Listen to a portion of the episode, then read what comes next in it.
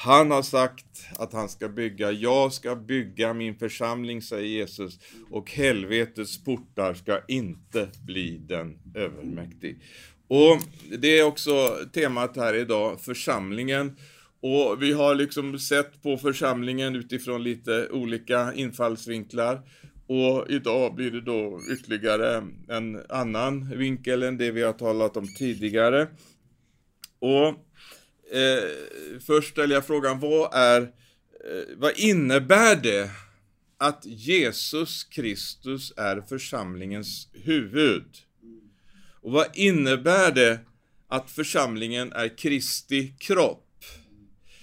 Ja, det första som vi kan konstatera det är ju att eh, det handlar inte om en, en institution eller en organisation, utan en kropp det är en organism. Och då när, när vi läser Bibeln och förstår att det är Kristi kropp, så, så, så, så förstår vi också att det är en kropp som är i rörelse. Det är inte liksom en död kropp som ligger liksom stilla, utan det är en kropp som liksom har fått både armar och ben och, och, och liksom är i rörelse. Eh, för att det är ju så att Kristi kropp, när nu Jesus har farit upp till himlen, eh, så ska ju Kristi kropp fortsätta det verk som han utförde när han gick här på jorden. Han gick omkring, står det. Det innebär rörelse, eller hur?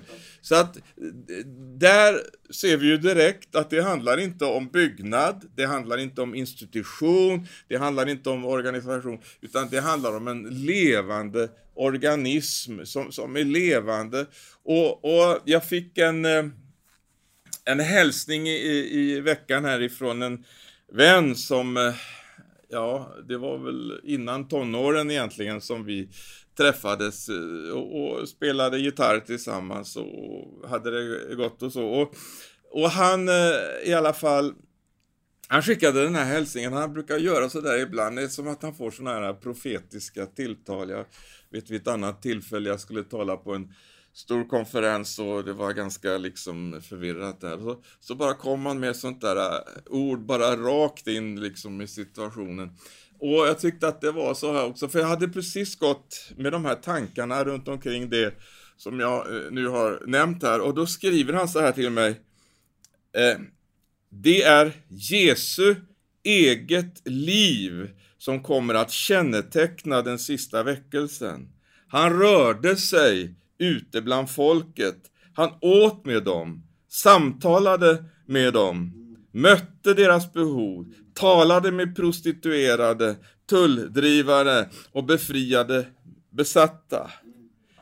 Vad är din seger? Vad är din blick? Vad är ditt byte? Vad är ditt svärd? Du tappre stridsman. Är vi hans kropp på jorden eller är vi bara bleka kopior? skrev han. Och det där var ju en väckelseappell. Och just det här då, Jesus, vad står det om honom? Jo, när eh, apostlarna ska presentera honom i Apostlagärningarna eh, 10 och 38 så står det att Gud smorde Jesus från Nasaret med den heliga ande och kraft. Han gick omkring och gjorde gott och botade alla som var i djävulens våld, för Gud var med honom. Halleluja, det är väl underbart? Så att här ser vi ju liksom då församlingen i, i själva förebilden, i Kristi kropp som går omkring. Inte som bygger eh, ett hus och, och en, en, vacker byggnad med, med, med utsmyckningar och, och, alla möjliga saker och, och liksom stannar i en box utan han vill använda oss. Eh, och det var ju liksom det sista budskap som Jesus gav till sina lärjungar. När den helige ande kommer över er, då ska ni få kraft och, och, och bygga en kyrka. Sa han så? Då ska ni få kraft och, och liksom starta ett samfund. Sa han det? Nej men varför gör vi det då? ja, eller andra. Eh, varför gör kyrkor så mycket annat men inte de gärningar som Jesus gjorde? Det är sånt som vi kan fråga och fråga oss själva. Varför gör vi inte det Jesus gjorde? Och, och det är viktiga frågor. Eh, I Johannes 14 och 12 så står det så här. Jag säger er sanningen.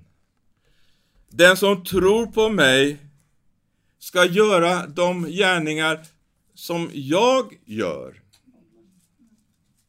De gärningar som jag gör. Med andra ord, det är väl väldigt klart och tydligt uttalat då av Jesus att vi ska göra det han gjorde. Och vad gjorde han då? Ja, men läs evangelierna för i all sin dag. Det, det finns fyra stycken. Liksom vi kan ju se vad Jesus gjorde när han gick omkring. Han mötte människorna och det i sin tur blev väldiga reaktioner. Speciellt från de som liksom ville hålla den här religiösa kontrollen, de som, in, de som så att säga representerade den här cementerade eh, institutionen som liksom hade, eh, trodde de, en slags eh, monopol på Gud. Eh, där kommer Jesus utanför hela det här systemet och så går han runt bland människorna och så gör han en massa förbjudna saker. Halleluja. Det är vad församlingen ska göra. Vi ska inte liksom bli en del utav det här eh, religiösa etablissemanget som liksom håller människor i ett slags slaveri, utan vi ska bara be Jesus, gör oss lika dig. Kom med din heliga Ande. Låt din heliga Ande komma över oss på ett sådant sätt så att vi verkligen kan, eh, att, att du bor i oss och du kan verka genom oss, så att vi gör det, det du skulle ha gjort om du gick här på jorden. Är du med på det? Där är jag med på det i alla fall. Jag säger det sanningen, säger Jesus. Jag säger det sanningen! Vad innebär det? Att han, det här är det som gäller. Den som tror på mig ska göra de gärningar som jag gör. Och större än så ska han göra, för jag går till Fadern. Och vad ni än ber om i mitt namn ska jag göra för att Fadern ska bli förhärligad i Sonen. Om ni ber om något i mitt namn så ska jag göra det. Och i Markus, vi läser några bibelord Markus 16 och den 17 versen. Dessa tecken ska följa de som tror. I mitt namn ska de driva ut onda andar. De ska tala nya tungomål, vers 18. De ska lägga händerna på sjuka och de ska bli friska, vers 20. Och de gick ut och predikade överallt och Jesus verkade tillsammans med dem och bekräftade ordet genom de tecken som åtföljde det. Och sen så kunde vi liksom plocka olika eh, bibelsammanhang då i evangelierna och se på Jesu verksamhet och se vad han gjorde. Och, eh, och det är så välsignat. Ta en genomgång av evangelierna i veckan rekommenderas starkt. Eh, det är liksom, känner man det, då, då, då då, då, får det liv här inne. Ja men Jesus, det här är ju inte bara en historisk berättelse om någonting som skedde för 2000 år sedan, Amen. som är så välsignat att läsa om och tänk vad underbart det var att de där människorna fick möta dig och tänk Åh, alla dessa under och allt som du gjorde, alla som blev befriade från demoner och allting. Åh, vad underbart det var.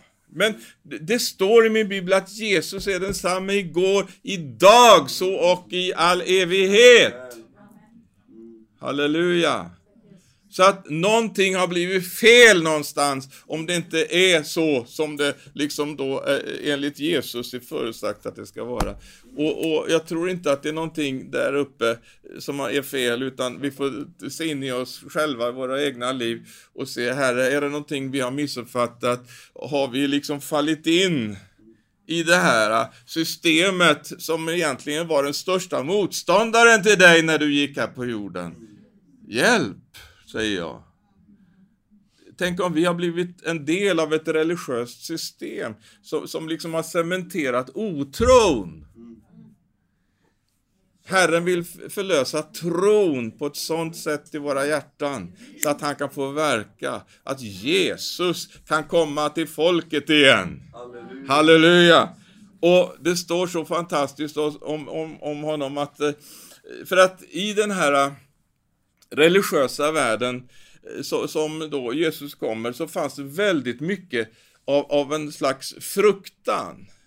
Det står på flera ställen i min bibel så här att, eh, att eh, på grund av fruktan för judarna så så och så. Alltså det, det fanns en, en, en fruktan under en slags religiös makt som höll människor i fångenskap. De fruktade för judarna, för de, den religiösa makten. Till och med lärjungarna står det vid tillfälle eh, i samband med Jesu död att eh, de stängde in sig och låste dörren på grund av fruktan för judarna.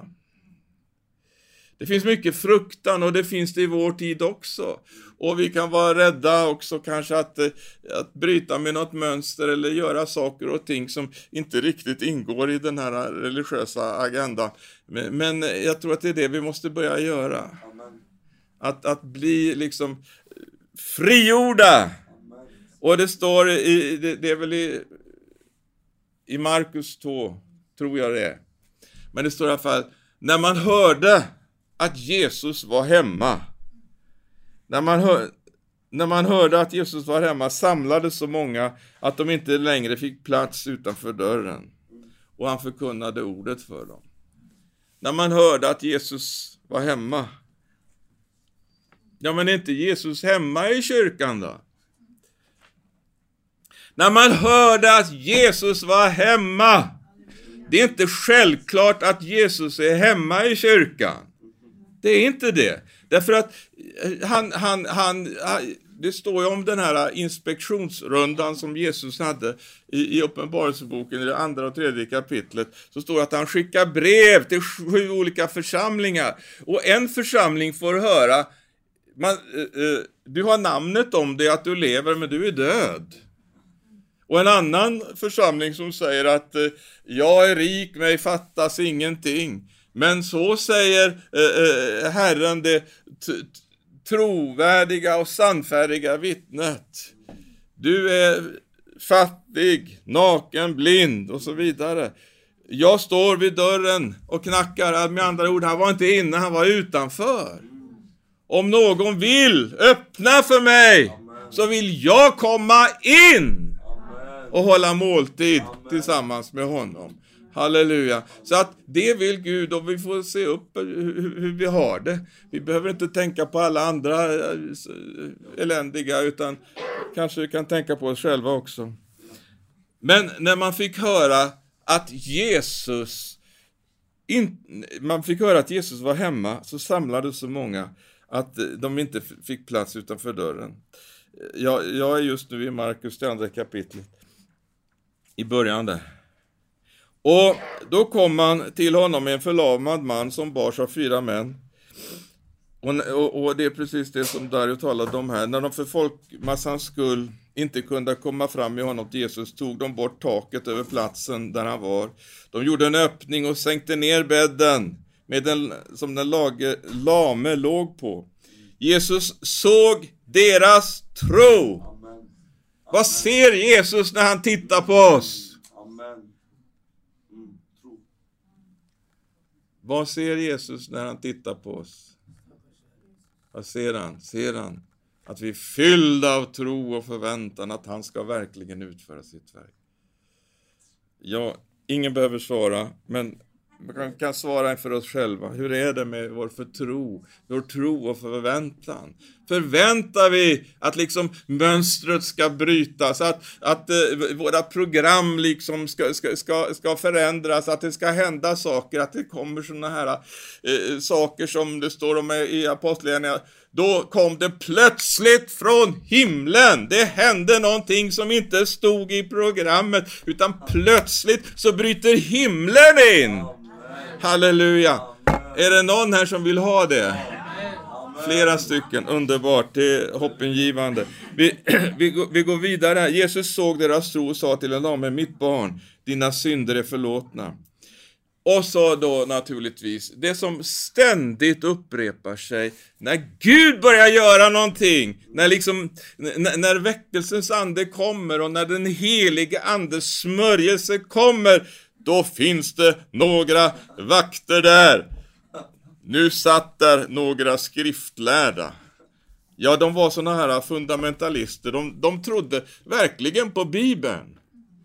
Det, det, kan man inte anklaga dem för. Skriftlärda, alltså det, det hörs ju på namnet, de satt ju och läste Bibeln hela dagarna. Ja. Men det hjälper inte. Vi måste ha den helige Ande också. Det går inte bara liksom med att komma med skrifterna, utan vi måste ha smörjelsen. Och det är precis som Jesus sa, han hade ju undervisat lärjungarna i tre och ett halvt år. Men vänta nu, spring inte iväg, vänta tills ni blir beklädda med kraft från höjden. Då ska ni bli mina vittnen. Så att det är det här vi behöver hela tiden, den här kraften. Dagligen, dagligen fyllas av den helige Ande. Halleluja!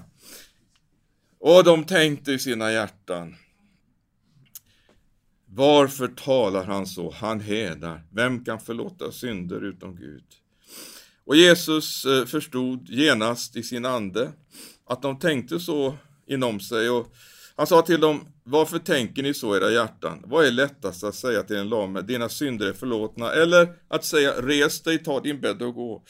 Men för att ni ska veta att Människosonen har makt på jorden att förlåta synder, säger jag dig. Och nu talar han till en lame.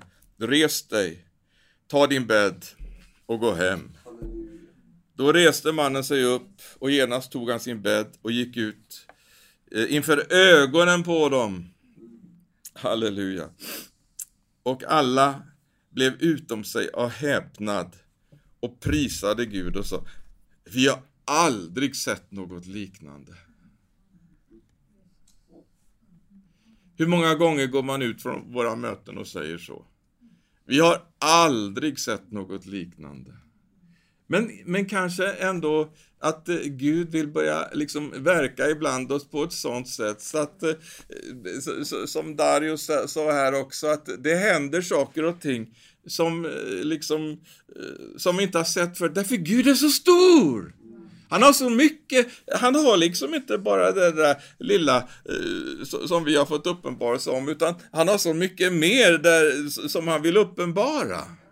Halleluja! Visst är det väl härligt? Och det finns liksom inget slut, det är så oändligt, det är så mycket. Och, och jag märker ju det också, bara det här att, att eh, jag upplevde för några månader sedan att eh, eh, Herren sa att vi ska tala om församlingen och jag, jag det, det är mycket liksom som Gud under den här perioden har fått visa som man kanske inte har sett med den klarheten tidigare.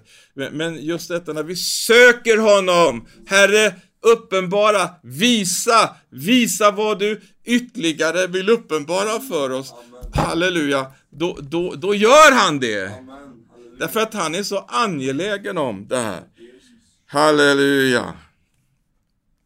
Men eh, dessa fariseer då som ständigt liksom vaktade på Jesus och de, de konfererade med varandra, vad ska vi göra med honom? Allt folket springer ju efter honom och, och, och, och man konfererade och man kom fram till att man skulle, man måste få eliminera honom, han måste undan liksom, han, han, han stör ju fullständigt liksom ordningen. Vi, vi har ju ingen kontroll längre över det som sker eh, här i, i Jerusalem.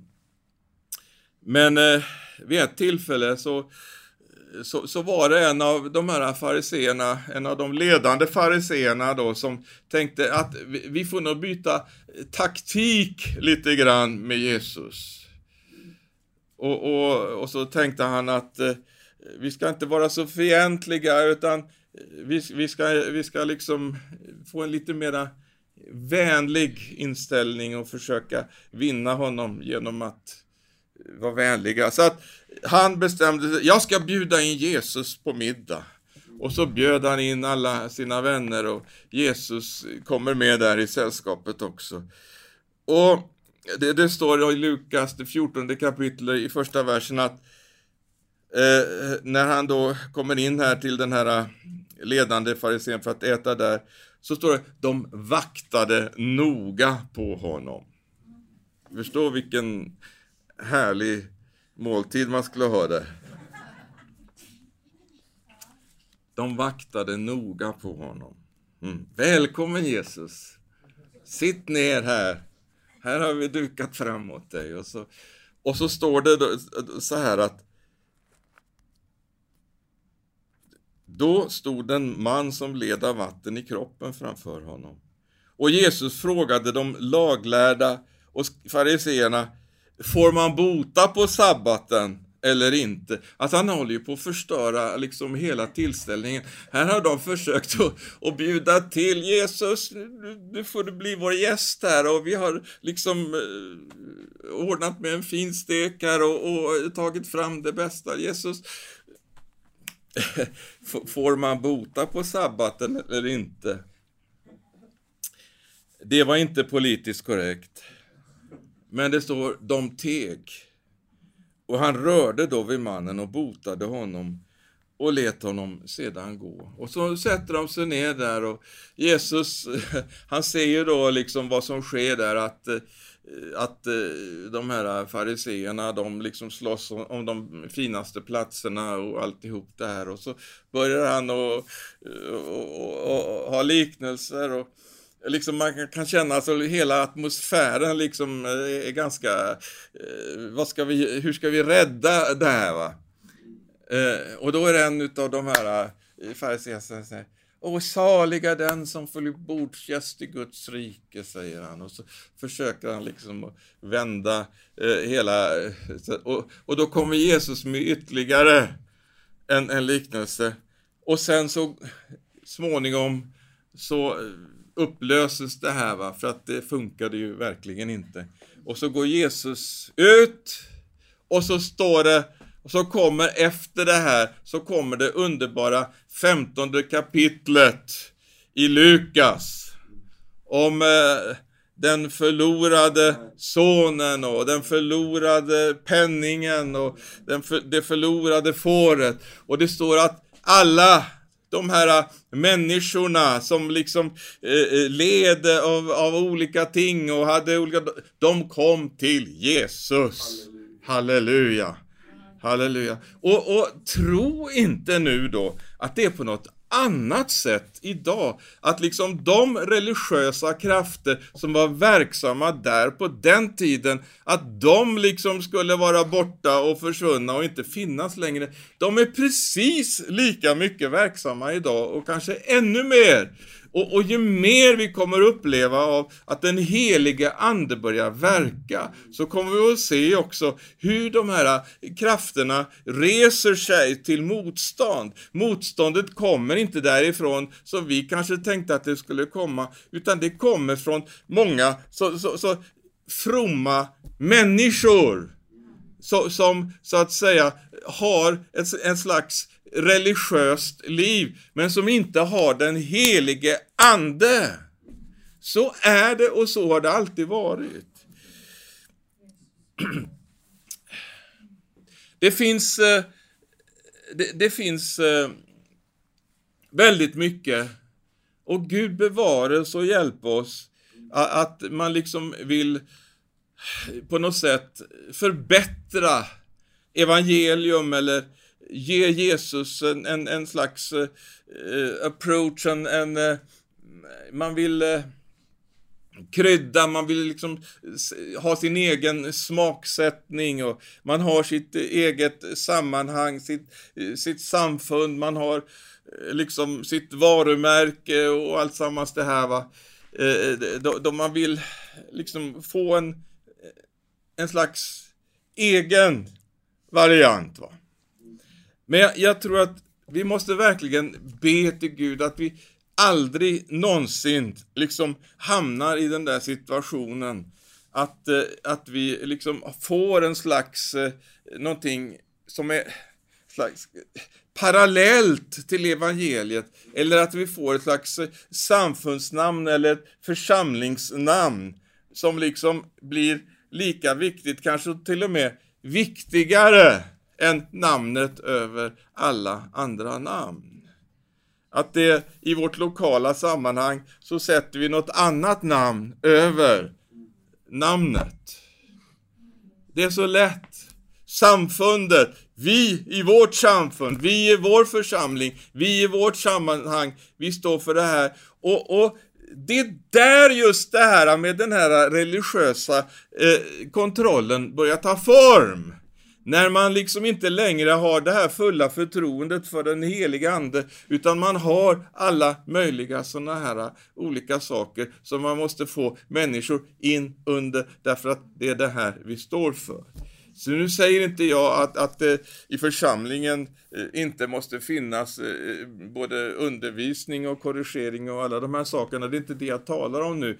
Men vi måste se till det finns ett sammanhang som är väldigt lärorikt och jag ska läsa det så kanske du förstår bättre vad jag menar. I Lukas 19 och 28 så står det så här att när Jesus hade sagt detta gick han framför dem upp till Jerusalem och då han närmade sig Betfage och Betania vid det berg som kallas Olivberget sände han iväg två av lärjungarna och sa Gå in i byn där framme och när ni kommer in så ska ni finna ett åsneföl som står bundet och som ännu ingen har suttit på. Ta loss det och led det hit. Och om någon frågar er varför ni lossar det så ska ni svara Herren behöver det. De som var utsända gav sig iväg och fann att det var som han hade sagt till dem. De lossade fölet och de som ägde det sa detta Varför tar ni loss fölet? Och de svarade Herren behöver det. Då ledde de det till Jesus och la sina mantlar på fölet och lät Jesus sitta upp. Och där han red fram bredde man ut mantlar på vägen. Eh, när han närmade sig sluttningen vid Olivberget eh, Eh, så började hela skaran av lärjungar i sin glädje prisa Gud med hög röst för alla kraftgärningar de hade fått se. Alltså med andra ord, Jesus sände iväg sina lärjungar. Det står ett föl som är bundet. Lös det! Och jag kan bara se den här bilden på hur han, han sänder ut oss för att vara med och lösa de bundna människorna. Han sänder ut oss, lös upp knuten och för åsnefålen till mig, led den till mig. Och ni får inte sätta er på den. Det är Jesus som ska sitta på åsnefålen. Och ni ska leda den inte liksom till något eh, samfund eller till, till någon liksom organisation eller eh, eh, någonting, liksom, utan led den till mig, säger Jesus. Och det är Jesus som, som så att säga är den enda som liksom får sätta sig och rida på det här eh, åsnan och, och, och, och så får liksom Jesus bli ärad och upphöjd när han då träder in i Jerusalem. Och, och, och, det här är en princip som är så viktig för oss att lära oss hela tiden. Att när vi liksom är med och vinner människor så är det Jesus vi leder dem till. Vi leder dem inte till Eh, kyrkan på det sättet, liksom som organisation eller institution, utan det är till Jesus vi leder dem. Sen så får de bli en del av församlingen och, och Kristi kropp och bli en del utav det som är, är Herrens eh, eh, väg för, för var och en. Så att eh, det är det här som är så viktigt, att vi, att vi liksom ser den här principen för att eh, många utav de olika organisationer som finns idag som har stelnat till på olika sätt, de började som väckelserörelser. Rörelse. Men liksom det har blivit förstelnat genom just att eh, eh, när den heliga andes liv har, har liksom tynat bort så har det istället kommit väldigt mycket utav organisation och eh, olika ting som liksom... Och, och, jag säger inte att, att vi inte måste ha ordning, det är inte det jag säger nu. Men vad jag försöker betona idag, det är det att, att vi har förtroende för den heliga Ande. Och att det finns ett sånt böneliv i församlingen. Så att det finns egentligen en, en korrigering bara i själva miljön. Som gör att, att vi liksom bara upplever och, och, och känner den här eh, verkliga längtan inte att böja oss under en massa konstiga saker, utan Jesus, din vilja. Ske din vilja. Ske din vilja. Vi, vi, och, och, för det här med den här religiösa kontrollen som är så vanlig, det skapar människofruktan. Och, och det blir liksom en dubbelmoral och självcensur och, och skenhelighet och bundna och förslavade människor i, liksom i, i system där man liksom ska, ska ha en slags, eh, eh ja, speciell framtoning då. Men Jesus, han kom rakt in i den, eh, ska vi säga, religiösa eh, värld som då fanns där vid den tiden. Och, och så predikade han och han började i synagogan. Lukas 4, 17 så står det att eh, han står där i Nasarets synagoga och så predikar han Herrens ande är över mig.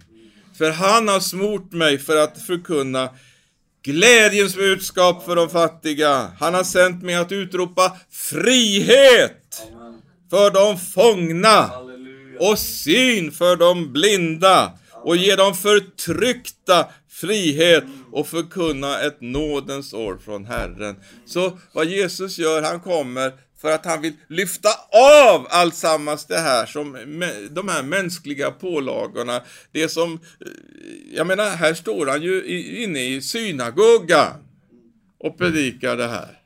Och vi vet ju att man ville slänga honom ut för berget sen. Eh, det var inte riktigt i linje med vad man predikade där. Men i alla fall, han, han, eh, han predikar frihet. Halleluja. Och det finns någonting som är alldeles underbart och som vi behöver uppleva. Det är det som är Andens frihet. Det är inte en frihet att göra precis som man vill eller bli slarvig eller någonting sånt. Men det är en frihet som liksom är eh, eh, en frihet inför Herren och, och en frihet som, som Gud ger. Halleluja! Gud är inte oordningens Gud, utan... Nej, det står inte ordningens Gud. Han är fridens. Gud är inte oordningens Gud, utan fridens, står det. Och, och det är just denna frid, halleluja, som blir när vi underordnar oss honom. Halleluja! Eh, och, och, det står så här, jag vill läsa några bibelord till. Andra Korinthierbrevet 3 och 17 så står det Herren är anden. Och där Herrens ande är, där är, vadå? Frihet. Och alla vi som är obeslöjat ansikte ser Herrens härlighet som i en spegel. Vi förvandlas till en och samma bild. Från härlighet till härlighet. Och detta sker genom Herren, Anden. Och, och, det står flera ord just som talar om det här. Livets andeslag har i Kristus Jesus gjort mig fri ifrån syndens och dödens lag. I, i Jesaja 58 och 6 står det Lossa orättfärdiga bojor, lös okets band, släpp de förtryckta fria, bryt sönder alla ok. Halleluja! Släpp så fångarna fria, det är vår. Halleluja! Gud vill verkligen att alla ska komma ut i frihet, för att det är när vi kommer ut i den friheten som vi kan börja göra det Gud vill att vi ska göra. Halleluja! Gud kan inte använda förslavade människor, utan han måste göra oss fria ifrån allt det där som har förslavat oss. Och så får vi, halleluja, med glädje och med frimodighet göra det som är Guds vilja. Halleluja! Jesus säger också, ni ska lära känna sanningen och sanningen ska göra er fria. Om nu sonen gör er fria blir ni verkligen fria. Och, och Maria, hon ber i den här bönen när ängeln, ängeln hade varit hos henne, Lukas 1 och, och, och 74, att vi frälsta från våra fienders hand ska få tjäna honom utan fruktan. Halleluja. Halleluja. Det finns inte, alltså Herren vill att i församlingen, man kommer in i församlingen, ska man inte känna att det finns liksom en slags, eh, någonting, någon kontroll eller någonting, utan att man kommer in och så upplever man, tack Jesus att du är här. Tack att du är här för att möta oss. Tack att det är du som är Herre. Tack att det är din kropp. Och, och, och halleluja. Så att eh, detta att eh, Herren vill göra oss fria, det tror jag är oerhört viktigt för att vi ska kunna tjäna honom. Vi tjänar inte som, eh, som eh, så att säga slavar, eller eh, vi är inte i en trältjänst, utan vi har kommit ut i frihet. Men då finns det alltid det här eh, att, eh, och jag bara säger det här i Jesu namn, att den heliga Ande bara ska vaka både över oss själva och, varandra och allt liksom ska komma utifrån. Eh, Paulus han varnar för det här och säger att i Galaterbrevet 2 och 4 så säger han att det var de som liksom nässlade sig in för att spionera på den frihet som vi har i Kristus Jesus och för att försöka göra oss till slavar. Alltså, det, det här, du ser liksom hur man försöker på alla möjliga, man vill absolut ha oss in i någonting där vi liksom kan bindas upp så att vi liksom inte gör det vi ska göra. Men eh, halleluja, vi ska vara vaksamma. Och så ska vi verkligen be om Jesus. Tack att du vill använda oss. Jesus, genom att din heliga Andes smörjelse kommer över oss att vi får vara dina redskap, att vi får vara dina vittnen, att vi kan lägga händerna på de sjuka, att de blir friska, att vi kan vara med och befria människor som, som är besatta eller, eller bundna på olika sätt av djävulen. Både de som är, har liksom olika andar eller de som är bundna av, av religiösa ok, att, att vi kan vara med och föra människor ut i frihet. Halleluja! Halleluja, det är som det där kosläpp. Vet ni vad det är? Halleluja. Ja. Herren vill föra ut sitt folk i laggårdarna. Ut på de gröna ängarna.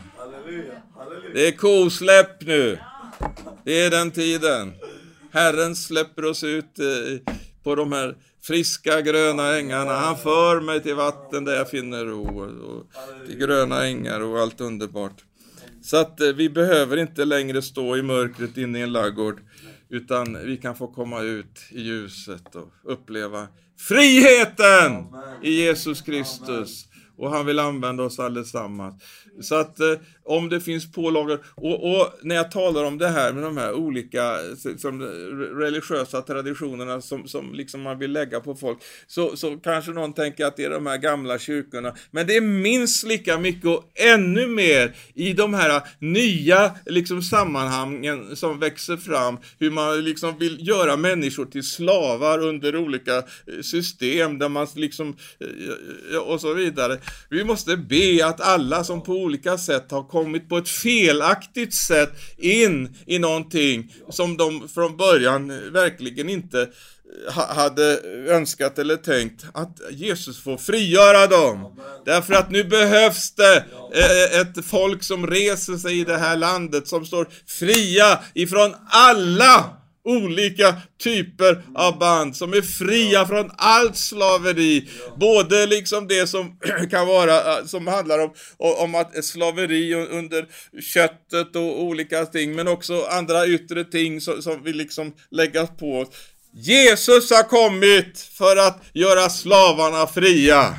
Halleluja! Så att eh, vi, vi, eh, vi predikar frihet.